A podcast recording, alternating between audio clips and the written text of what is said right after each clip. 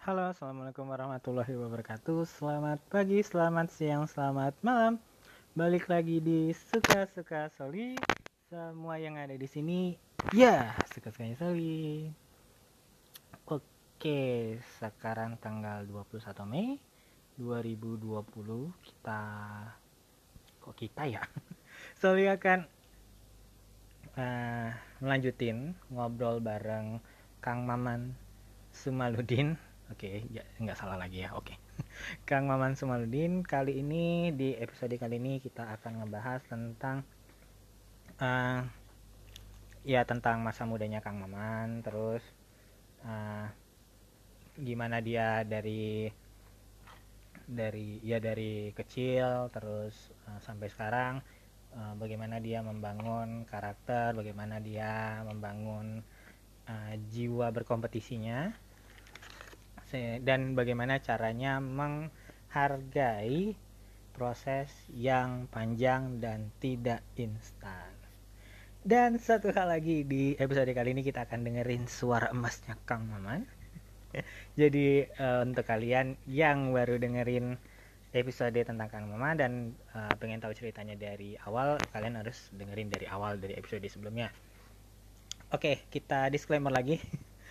Oke, okay, yang pertama yang akan di disclaimer adalah penyebutan nama, brand, instansi, kelompok, atau uh, ya penyebutan nama apa pun melalui podcast ini adalah semata-mata uh, untuk keperluan uh, penyebutan saja. Jadi tidak ada niatan untuk menghina, menjelekkan, me ya itu deh tidak ada niat untuk uh, ya tidak ada niat untuk menjelekan dan menghina satu kumpulan organisasi instansi institusi merek dagang dan uh, apa pun. Jadi ini murni karena uh, pembahasan kami saja. Jadi kalau misalnya ada salah pengucapan atau salah tingkah kami mohon maaf. Yang kedua uh, podcast ini di dibuat berdasarkan uh, janjian dengan Kang Maman Sumaludi uh, dan ini dilaksanakan pada bulan puasa jadi uh, kemungkinan akan ada suara kerasak-kerasak dan suara lain-lainnya di uh, podcast ini karena memang uh, lokasi pada saat uh, recordingnya Kang Maman lagi ada di uh, sekretariat kampusnya. Jadi uh, mungkin akan terdengar suara-suara yang uh, tidak tahu asalnya dari mana dan dari siapa tapi ya harap dimaklumin. Terus apa lagi ya? Itu ayo deh. Uh, tanpa berpanjang lebar lagi ini dia Kang Maman Sumaludin Oke, okay, jadi mangga. saya eh, tunggu, di, diturunin lagi. Sok, enggak. Oke, okay, oke. Okay. Maaf ya kalau here ya. Jadi orang Sunda mah sering seperti inilah here. Here. here itu humoris. Ah. Saya pernah bahas. Saya pernah bahas kenapa perempuan atau laki-laki orang Sunda bukan berarti uh, apa rasis ya. Ini emang emang fakta sih. Uh, kelebihan orang Sunda itu kenapa cantik dan ganteng itu pertama memang punya pola hidup yang sehat. Dari dulu itu sering makan makanan yang dari sayuran mentah, lalapan gitu kan. Nah, kedua, kedua itu eh perempuannya memang sering-sering sering dandan gitu kan. Kemudian yang ketiga memang humoris. Itu yang menjadi faktor ya. Kalau saya belajar dari etnologi dari apa mengenai etnis setiap daerah di di Indonesia gitu kan. Kan selalu ada selalu ditempatkan ya. Sunda itu katanya cantik global, tapi sebenarnya bukan cantik karena fisik, tapi mungkin lebih ke uh, perilaku seperti itu, lebih ke cenderung humoris. Dengan humoris Apa? jadi lebih awet muda ya. Emang usia berapa? Jeder. Tebak berapa? Tebak berapa? Usia denganku sih kayaknya 28. Benar kan? Jadi banyak yang nyangka saya usia 22, 24, 25. Saya 30. Ya, kelahiran 90. Serius? Tuh kan. Oke. Aku kira, aku kira ternyata enggak soalnya gini, aku kalau misalnya uh, ngundang bintang tamu itu biasanya tuh aku udah tua banget kayaknya. Oke. Gak apa-apa, gak apa-apa. Kalau saya pribadi sih nggak harus uh, hormat banget egaliter aja lah kita ya, masih se setara se, se, seusia lah. Tapi tapi masalahnya gini, masalahnya gini Kang. Anak-anak hmm. tahun 90-an itu adalah teman sekelasku. Jadi sebenarnya hmm. cuma lahir di tahun 92, tapi teman-temanku tahun 89 dan 90. Ya. Jadi ya, literal ya. Sama lah, sama lah seumuran lah. Hmm. Sekarang saya juga memang karena memang teman, teman di kelasku, memang teman di kelasku itu tahunnya 90 dan 89 di kelas juga murid-murid juga ngerasa kayak bukan diajar sama guru. Oh gitu. Bapak aku mau kalau diajar sama bapak bukan kayak diajar sama guru kunaun kating apa aku beda. Oh mungkin itu mungkin cara cara saya mungkin sebenarnya sudah berhasil kepada anak-anak gitu kan. Seperti itu. Ya mereka ngerasa kayak diajar bukan sama guru yang biasanya. Ngajarnya tingkat tingkat SMP tah bukan jadi sini keceritakan. Jadi saya itu adalah seorang guru di SMA. Bisa disebutkan sekolahnya? Boleh. Ya, jadi dulu itu saya dulu ngajar di dua sekolah setahun uh, berbarengan. Jadi saat itu saya tahun kedua kuliah di Pasca Sarjana, kemudian saya uh, memutuskan untuk mengajar dan langsung ke sekolah. Pertama di SMA Pasundan 2 Bandung. Di SMA ini salah satu lulusan itu Rina Nosi. Tahu Rina Nosi? Tahu. Vokalis The Titan di sana. Kemudian saya ngajar di SMA Darut Tauhid Bandung uh, Boarding School Putri. Jadi itu sekolahnya milik Agim. Jadi ah. Nah, jadi di sana kan ngajar anak-anak memang ahwat banget lah justru saya juga bersyukur bisa ketemu dengan orang-orang seperti mereka. Tiap hari selalu menghafal Al-Quran. Jadi ke bawah ke saya juga gitu kan, bawa, ke bawa auranya setidaknya saya bisa menekan beberapa hal yang negatif. Kemudian sekarang saya sudah hanya mengajar di satu sekolah saja di SMA 4 Bandung. SMA 4 Bandung? Yang salah satu alumni itu pemain bulu tangkis nasional, Ginting. Oh Ginting. Oh suka apa sih namanya sini suka sini suka ya? Nah itu itu itu alumni dari sana. Dia memang orang yang orang yang sangat aktif emang atlet sih. Jadi sekolah saya itu tidak hanya bidang akademik tapi bidang non akademik pun ditampung. Salah satunya banyak atlet-atlet uh, bertebaran di setiap kelas itu ya. Selalu banyak yang disiplin atlet tangkis lah wusu lah kemudian atlet bola. Jadi sekolah bola Indonesia itu uh, kebanyakan di sekolah kita sebandung itu. Kebanyakan. Hmm. seperti itu. kemarin juga mereka wah dapat juara mengalahkan tim timnya apa junior Persib. Jadi ah. wah dia kan junior Persib ada kan nah, dikalahkan sama mereka. Wah keren banget ya anak-anak tapi justru asik sih. Banyak para atlet segala jadi nggak nggak cuma akademis itu ya jadi saya tuh emang guru guru kemudian berstatus sebagai mahasiswa juga sekarang lagi tesis nih. Aduh semoga uh, selesai lah bulan ini di pengolahan data. Kemudian kedua saya seorang freelance singer atau season singer lah. Uh, yakin season singer. yakin gak ada yang kurang. Hah? Yakin gak ada yang kurang. Kurang apanya? Yakin perkenalannya gak ada yang yakin perkenalan gak ada yang kurang. Nanti kalau nanti kalau kebongkar jangan salahin ya. Apa? Jadi nanti aja Iya kita nanti sambil ngobrol.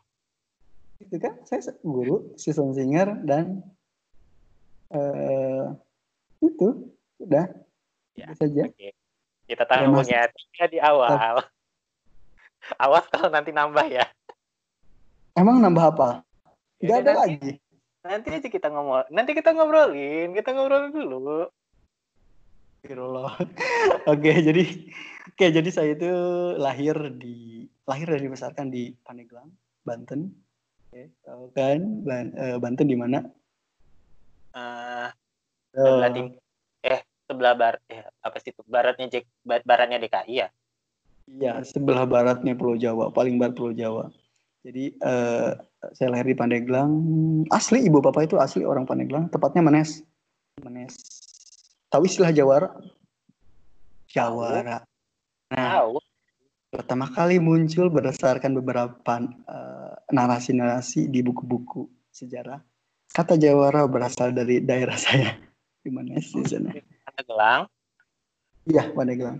Jadi Pandeglang itu kota santri, dikenal dengan kota santri, kota badak. Karena apa? Di sana ada Taman Nasional Ujung Kulon, itu di sana ada Dan uh, duta, duta wisata nih ya keluar ya. Jadi di sana Iya. eh, dulu cagar alam sekarang statusnya menjadi Taman Nasional Ujung Kulon. Saya juga sudah pernah ke sana. Banyak Iya. bagus banget, sumpah. keren banget pantainya, indah banget, masih putih. Saya simpan juga tadi di Instagram ada, saya simpan sengaja. pengen Dan maaf ma- ada pengen sih main ke sana cuma Iya, iya. aku nggak jalan. Kalian foto-foto. saya punya saudara di sana. Bener ya. Bener Iya. ya. Jadi saya punya saudara di sana. Punya saudara di nggak jauh dari Taman Nasional tersebut. Jadi kalau apa-apa dari dermaga saya. Jadi nginep dulu di sana, kemudian ke dermaga kan dekat, jadi tinggal tiga jam lah dari dermaga. Wah, keren banget sumpah. Saya juga baru nyadar. Ya Allah, ternyata setelah provinsi Banten dikukuhkan jadi provinsi ya, akhirnya apa yang terjadi? Banyak kawasan wisata yang kemudian dibuka eh, lebih apa lebih bagus gitu kan ya pengelolaannya. Termasuk daerah saya, daerah yang sangat tertinggal dan ternyata memiliki banyak potensi bidang pariwisata seperti itu. Setelah ikut duta wisata tuh, sadar banget. Pandeglang itu bukannya ikut Pantura ya, jalur pantai utara. Bukan, paling Bukan. barat tuh. Paling barat, paling barat. Coba lihat peta, paling ujung. Ya, kelihatan banget ya geografiku jelek banget ya. Selat Sunda itu deket banget dengan itu dekat dengan Krakatau. Ah, Makanya kalau ketika Krakatau meletus atau ketika Krakatau lagi batuk itu terdengar banget ke rumah saya kalau malam-malam. Sangat-sangat jelas dentumnya itu. Serem banget. Makanya kalau apa-apa aduh nangis takutnya Itulah. Eh, Terus? Jadi Terus? saya, saya kenapa? saya kan punya hobi saya kan punya hobi nyanyi ini. Padahal orang tua bukan penyanyi. Mhm, Orang Oke. tua bukan penyanyi Itu bukan banyak yang nanya man kau penyanyi ya orang tuanya? Atau apa gitu. Bukan orang tua saya bukan penyanyi. Orang tua saya dulunya tuh PNS ibu saya seorang guru SD ayah saya itu eh, pegawai TU di salah satu SMP di sana di Pandeglang. Tidak apa sama kenapa? sekali Sorry kenapa? Sorry kenapa? Tadi eh, koneksinya nggak Oh. bagus. orang tua saya dua-duanya PNS, ibu guru SD, ayah itu pegawai TU di SMP. Tidak ada sama sekali latar belakang seorang penyanyi. Justru kakek nenek itu adalah seorang petani dan bisa sebut kiai, kiai desa lah. Tidak ada sama sekali keturunan penyanyi apalah. Justru orang, orang tua saya justru buyut kalau tarik itu bisa sebut jaro, jawara lah. Jawara tahu. Jawa. Jadi Jaro itu adalah kepala desanya di Banten di zaman-zaman kolonial Belanda sampai setelah kemerdekaan masih ada sih. Jadi kepala desa itu biasanya dipilih berdasarkan karakteristik Kemampuan. seseorang punya kemampuan bis apalah.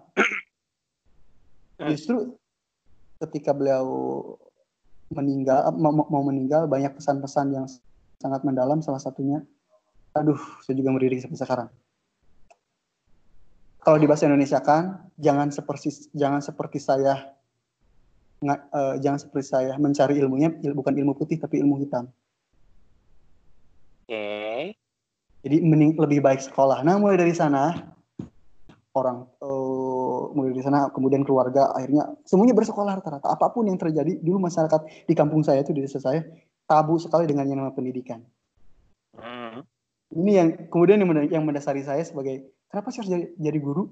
Dulu orang tua saya itu adalah dua orang dua dan tiga orang satu angkatan itu yang benar-benar berjuang ingin sekolah di antara apa ya eh, masyarakat yang masih sangat kurang akan pengetahuan mengenai pendidikan pentingnya belajar Jadi walaupun jauh tidak ada kendaraan, mereka tetap jalan gitu kan, jalan saja gitu kan. Yang mau hujan mau apa, tetap ke sekolah gitu kan.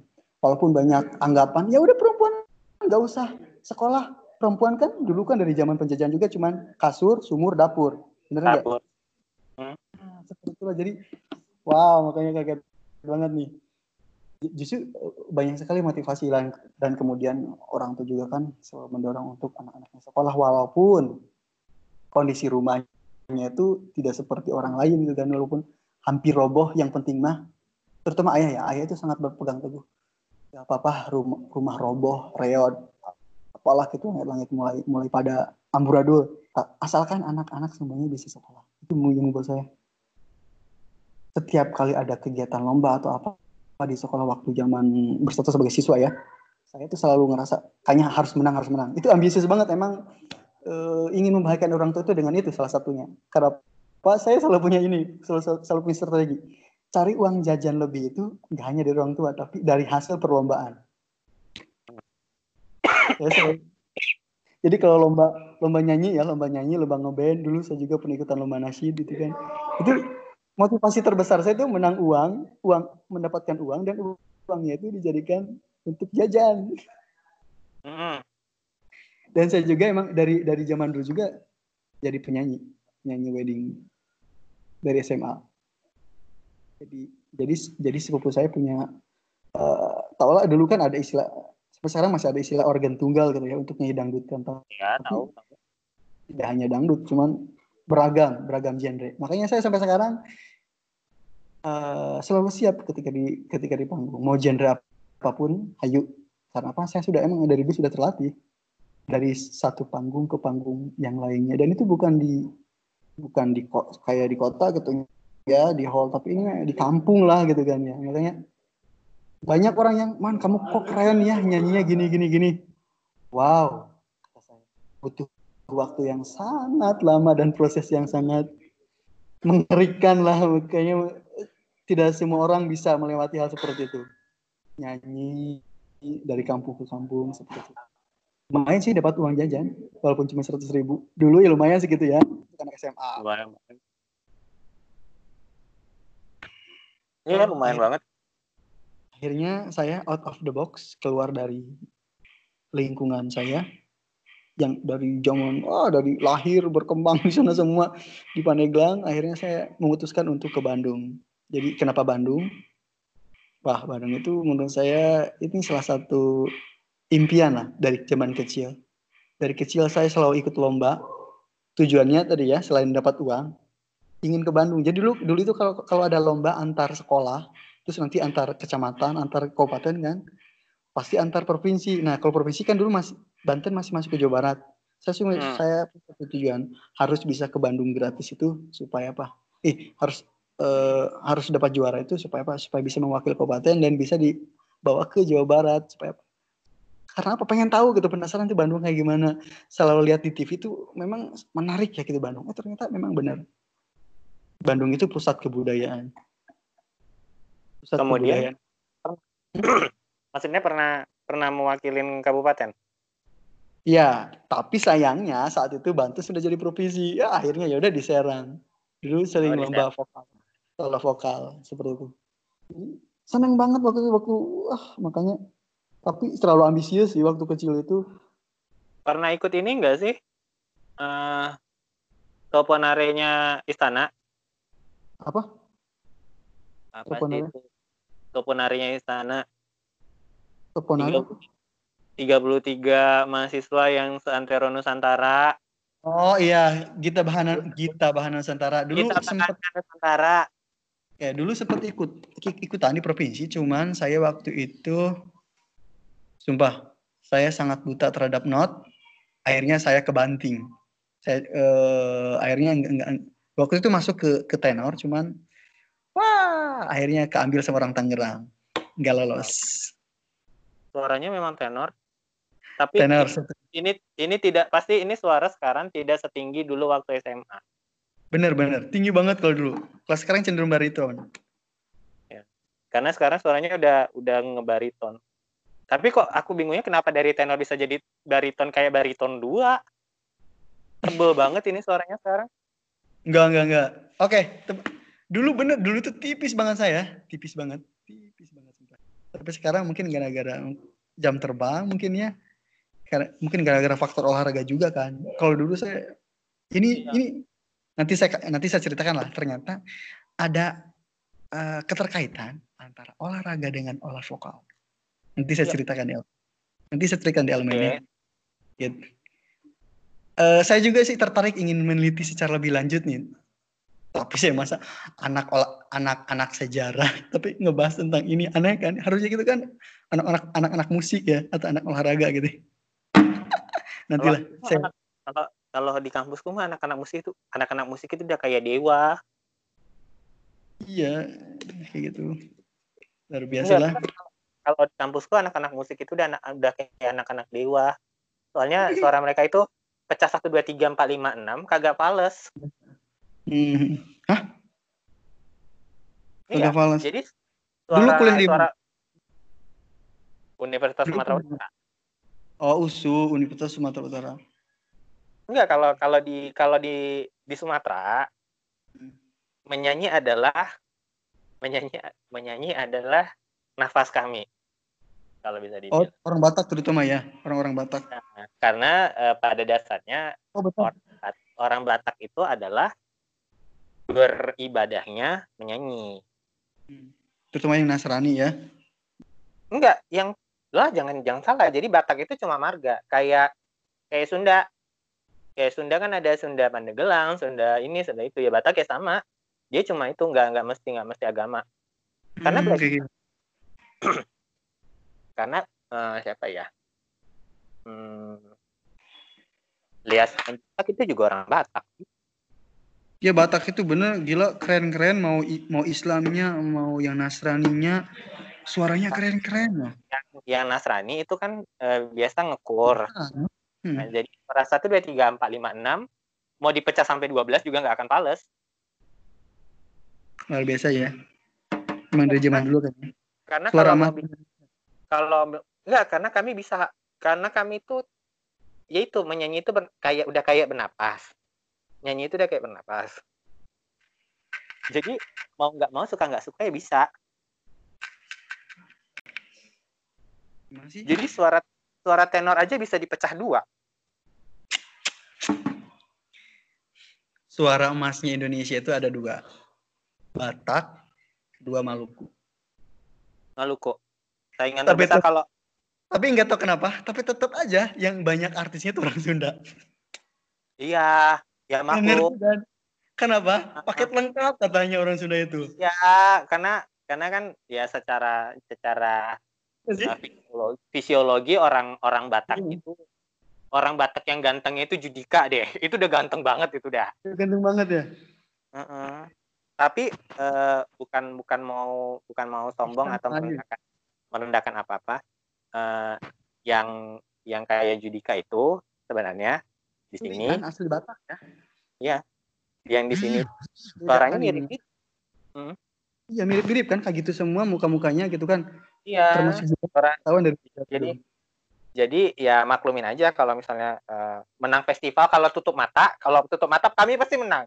Itu Iya. kalau cuma ada tinggal dua, tinggal dua ininya eh, kontestannya kalau nggak Maluku pasti pasti Sumatera. Udah itu aja, pasti dua itu aja.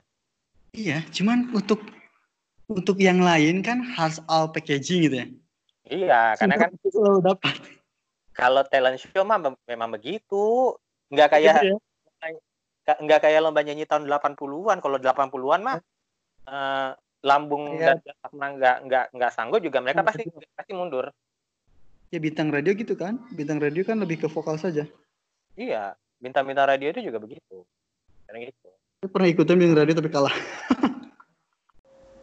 Oke, sebelum lanjut di pembahasan podcast kali ini, Soli ingatkan kembali untuk kalian yang mau mendukung podcast Suka-Suka Soli, kalian bisa kirimkan dukungan kalian melalui Patreon di patreon.com slash solii 1313 atau melalui Karya Karsa di karyakarsa.com slash solii 1313 dukungan kalian sangat berarti untuk podcast ini. Terima kasih. Lanjut di pembahasannya.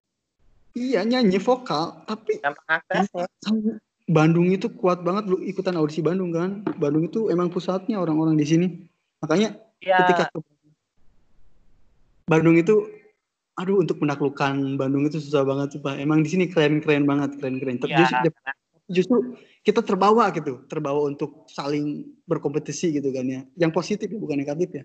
Kenapa? Di sini Hmm. memang pusatnya pusat kebudayaan baik itu untuk Sundanya maupun yang modern gitu ya. Metropolitan Iya. seperti itu. Karena karena gini karena eh, berbedanya dengan dengan Maluku dan Sumatera itu cuma dua. Karena lokasinya tidak dekatan dengan eh, satu dengan ibu kota kedua memang kayak misalnya kalau kalau di sini eh, ajang nyanyi itu udah nggak nggak ada. Karena kalau Hmm. misalnya di di Bandung kan akses untuk kayak lomba lomba radio lomba nyanyi radio itu masih masih gampang. Aksesnya itu gampang. Maksudnya masih banyak Ada- radio yang masih banyak radio yang buat. Benar kan? Tapi kalau di sini ajang yang lokal itu nggak laku. Padahal bagus-bagus ya di sini ya. Karena susah. Karena kayak ibaratnya gini kalau kalau tutup mata aja semuanya itu udah gak usah ditandingin. Udah buat buat satu core tanding internasional udah berangkat. Gitu. Jadi kalau yang yang yang nasional yang lokal lokal di sini malah nggak laku benar? Bener ya. Kalau lomba di Bandung itu makanya wow keren banget. Ya cuma Iya. suara gitu. Karena kan di sana kan eh, karena di sana kan masih itu eh, kayak kayak radio-radio pun masih mau bikin eh, singing competition. Jadi aksesnya lebih gampang dibandingkan dengan di sini. Kalau di sini kayaknya ah gimana ya? Ya itu karena ya penyanyi aja udah kayak napas gitu. Nanti kalau di, di juga eh, nggak nggak gitu banyak. Tapi kalau misalnya audisi jangan tanya. Kalau di sini audisi jangan tanya. parah Parah benar.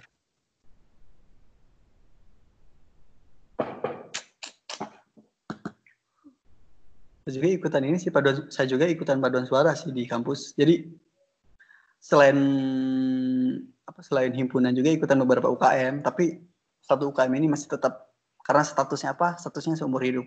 Jadi ikutan paduan suara terus ikutan. Nah di kampus saya itu pertama kali saya kenal fitness itu di eh, IBAF IBAF itu adalah eh, unit kegiatan mahasiswa eh, fitness nah itu pertama kali saya kenal. Itu pertama kali gabung tahun, tahun 2012 nah, per- pertama kali saya kenal dunia fitness itu 2012 tapi kemudian saya tuh los nggak ikutan lagi. Eh wah pokoknya setidaknya set- setidaknya saya tahu oh ternyata fitness aktif lagi 2016 tapi tetap mudi. Saya tuh memang termasuk orang yang mudian sih. Jadi semangat semangat banget. Enggak enggak gitu kan. Ini emang orangnya susah untuk konsisten. sih makanya harus sekali terus benar-benar janji pada diri sendiri harus konsi- konsisten. Paduan suara juga ikutan. Eh satu tahun ikutan untuk paduan suara. Jadi bagian tenor sih. Senang. Iya, suaranya tenor, udah tahu. Udah tahu, udah tahu. aduh. Gini, karena nasibnya orang bariton itu biasanya kalau konduktornya sudah bilang kita pecahnya jadi empat, lu mau nggak mau suka nggak suka jadi bass satu.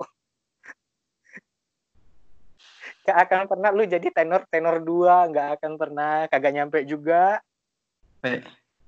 benar-benar saya cenderung cenderung cari nada-nada aman sih nada-nada yang Karena gak begitu ini enggak karena memang eh, nggak tahu ya. eh, bariton itu kayak nggak ada di di harmoni itu jarang itu ada ada eh, kalau mezzo sopran masih enak, masih ada. Masih dibuatin eh, apa sih itu eh, musik sheetnya masih dibuatin untuk yang yang mezzo sopran. Tapi kalau bariton jangan tanya. Itu agak susah. Bariton susah. Nggak tahu kenapa agak susah. baru itu agak susah Ngera- ngerasain sendiri kan kalau misalnya kalau misalnya ada bariton mending pasti ngambilnya bariton kan. Tapi jarang jarang dibuatin musik sheetnya untuk yang bariton. pasti bass Hmm, pasti ngambilnya bass.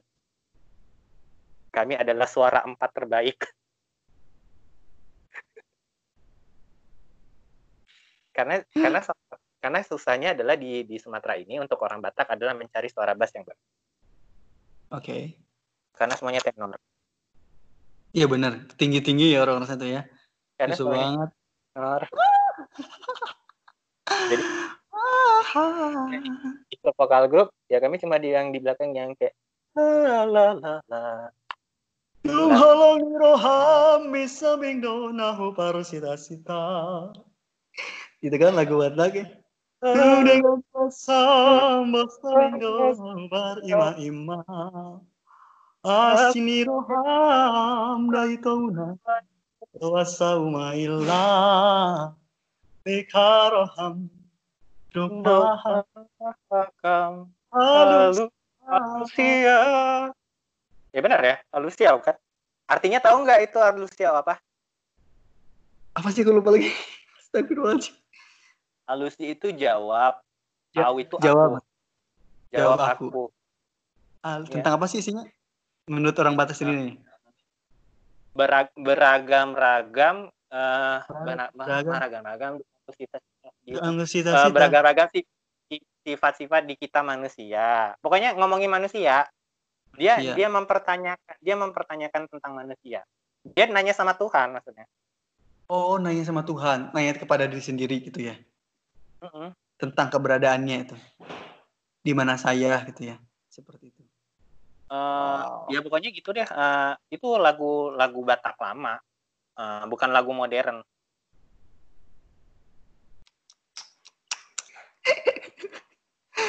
Aduh, luar biasa ya. Oh, gini apa lagi nih? Aduh, jadi itu mau cerita apa ya? Saya lupa lagi. Kayak zaman-zaman kuliah ya. Hmm? Oh, Oke, oke cerita zaman-zaman kuliah. Hmm, Oh, kalau zaman Enggak, enggak, enggak. Eh, tunggu, Alusia itu bukan bukan bukan ngomong sama Tuhan. Aku lupa. Tunggu, tunggu, tunggu. Semuanya bukan. Ah, Hmm.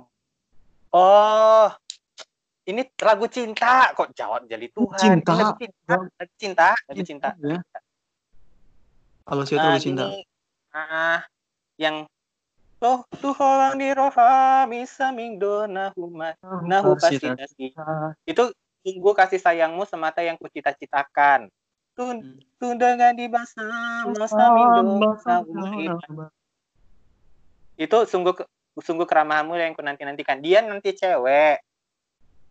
Asini rohana itu. Unang lau somaila beharoham dogma hakam halusia itu Apa tuh? eh, yang yang beharoham itu bagaimana perasaanmu katakanlah jawab aku dia nanti dia menanti tentang cinta kan, romantis. jawaban jawaban cinta Lagu romantis. yang Jawab yang aku ngomong sama. Tuhan itu satu lagi yang ada satu lagi lagunya Apa tuh? Tuhan. Oh, hasiam. Na, na, na, na, na, Kalau ada hasian-hasiannya itu lagu cinta biasanya hasian. Hasian. sayang. Hasianku itu sayangku. Tapi bisa ya. Hah? Tapi bisa ya. Kenapa? Tapi nger- ngerti lagunya. Ya sedikit-sedikit lah. Makanya saya pengen tahu nih dari orang Batak itu lagunya seperti itu tuh gimana. Iya soalnya eh, kalau kami disuruh nyari lagu Sunda kami nggak ngerti lagunya apa. Sampai sekarang aku disuruh nyanyi kayak Manuk Dadali itu cuma aku tahu itu tentang Garuda Pancasila. Selebihnya aku itu lagu tentang apa. Nanti saya kenalkan ya beberapa lagu-lagu Sunda. Jawa Barat terutama banyak banget Jawa Iya. Barat tuh. Kayak Terus Bulan, Kayak oh, kalau Es Lilin. Bubui bulan, bubui bulan, sangrai bintang, eh, sangrai bea, pabu, kowe. Poe di sasar. Unggal bulan, unggal bulan abdi terang. Unggal poe, unggal poe oge hade. Si cuma cibu. Gitu. Aku cuma tanya pas cuma bagian du eta sahang melangkung Unggal enji. di nah itu apa sih dia soalnya eh, pernah bantu Bang- anak-anak sini Bahasanya bahasa lagunya- halus banget. Bahasanya bahasa bubui Sunda halus. bulan sendiri artinya apa sih Bubui bulan, bubui artinya tenggelam.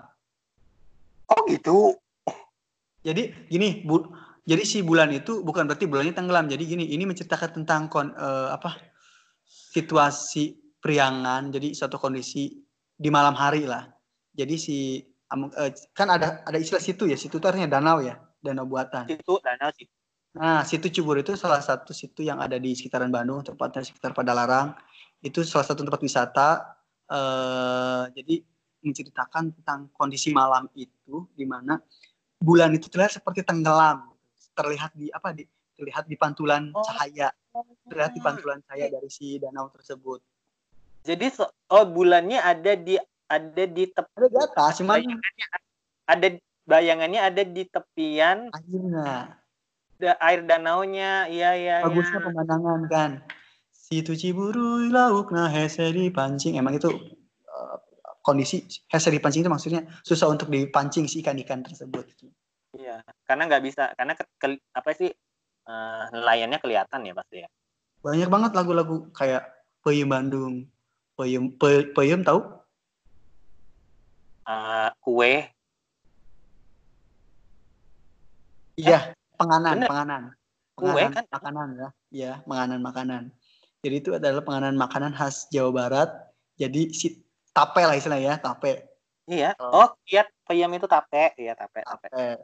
Ada lagunya. Oh, gitu.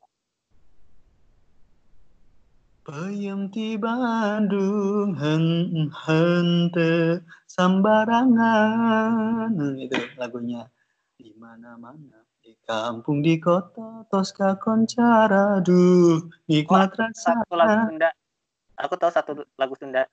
Wah, apa jalan setapak deh non sih sok Eh, apa bulat lilin. dadakan. oh bulat itu bukan lagu, lagu bukan lagu Sunda no name ya itu Jangan- lagu, lagu yang, yang dibuat emang sengaja Dibuat.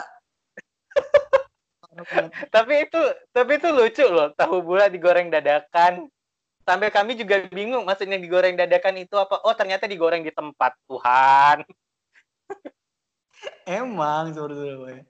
Udah kayak mie Kan? balap Medan. Udah kayak mie balap Medan ya ternyata ya. Mhm. kayak gitulah pokoknya Jadi, banyak yang unik unik justru yang membuat orang banyak ketawa banyak banget banyak Ternyata- banget lagu Sunda Oh, gitu. Ada beberapa lagu pop Sunda kayak Es Lilin kemudian yang penyanyi Darso Es lilin di, disorong-sorong. didorong-dorong Es Lilin mah cece kalaba muda gitu. Kenapa harus kelapa muda? tahu Es Lilin es jadi es es mak eh, apa Es yang panjang itu kan. ya kecil gitu kan se inilah Iya. sejari enggak enggak enggak gede banget jadi memang ada yang pakai kalap eh, memang pakai kela- kelapa pakai kelapa, kelapa muda ininya apa eh, si- salah satu bahan dasarnya gitu kan seperti itu Ya itu Itu kalau makanan lagu kalau lagunya yang ada bahasa Indonesianya, terkadang aku suka nanya sendiri, kenapa kelapa muda? Why? Tapi kalau misalnya kayak si si si baru matikan di parjoget timbari kota bima maina sebar apa ajo ajo itu aku nggak tahu lagunya apa. Oh, apa apa sih itu nggak ngerti sumpah cepet banget Itu udah lambat loh. Sik Gila, sik si parah. batu matikan di parjogan. Sik sik si batu matikan di parjogan.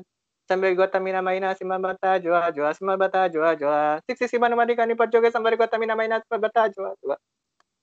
parah banget ya Itu Wow. lagunya memang harus segitu. Temponya seper 32 mungkin ya. Seper 64 mungkin. ya Allah Coba eh, nanti nanti Google aja deh. Sisik si batu manikam. Sisik si batu manikam. Itu memang kayaknya mungkin pun nggak sampai seper dua seper 64, seper du- 128 mungkin. Saking saking nggak napasnya. Dan itu lagu dan itu lagu lagu Batak eh, kuno termasuk yang yang folk song.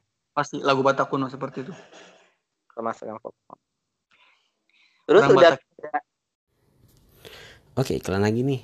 Jadi kalau kalian eh, bingung kalau mau pakai patreon.com karena eh, situsnya dari luar negeri, kalian juga bisa gunakan situs karya anak negeri yaitu karyakarsa.com alamatnya di karyakarsa.com slash soli s o l i i 1313 linknya bisa kalian lihat di description note yang ada di episode kali ini dukungan dari kalian sangat berarti terima kasih Oke, jadi itu tadi ngobrol-ngobrol bareng Kang Muhammad Maman Sumaludin.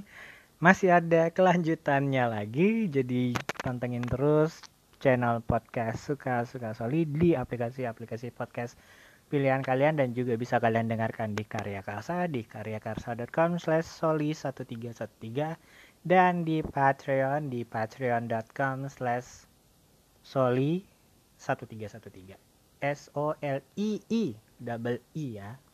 Oke, okay, uh, eh, uh, eh, ya itu deh. Oke, okay, uh, eh, sambil kok sambil sih. Jadi untuk menunggu episode selanjutnya, pantengin terus channel ini. Terima kasih untuk Kang Muhammad Maman Sumaludin. Kita doain semoga perjalanannya di kompetisi yang sedang diikuti berjalan dengan lancar sampai episode uh, final. Nanti diumumin grand finalisnya. Gitu. Untuk sementara saya Soli. Pamit. Halo, terima kasih sudah mendengarkan Suka-Suka Soli. Suka-Suka Soli sudah ada di Anchor FM, Penyu FM, Cashbox, Spotify, Google Podcast, Apple Podcast, dan aplikasi-aplikasi podcast pilihan kalian. Linknya bisa kalian lihat di link tr.ii slash soli s o l i i underscore solihin s o l i h i n. Atau kalian bisa lihat di show notes di episode kali ini. Dan bagi kalian yang punya kelebihan dana atau juga mau kasih tip untuk ya nambah-nambahin semangat aku untuk buat podcast kalian bisa kirimkan dukungan kalian melalui Patreon di patreon.com slash Soli S O L I I 1313 atau di Karya Karsa di karyakarsa.com slash soli S O L I I 1313 dan bisa kalian lihat juga di show notes di episode kali ini. Terima kasih.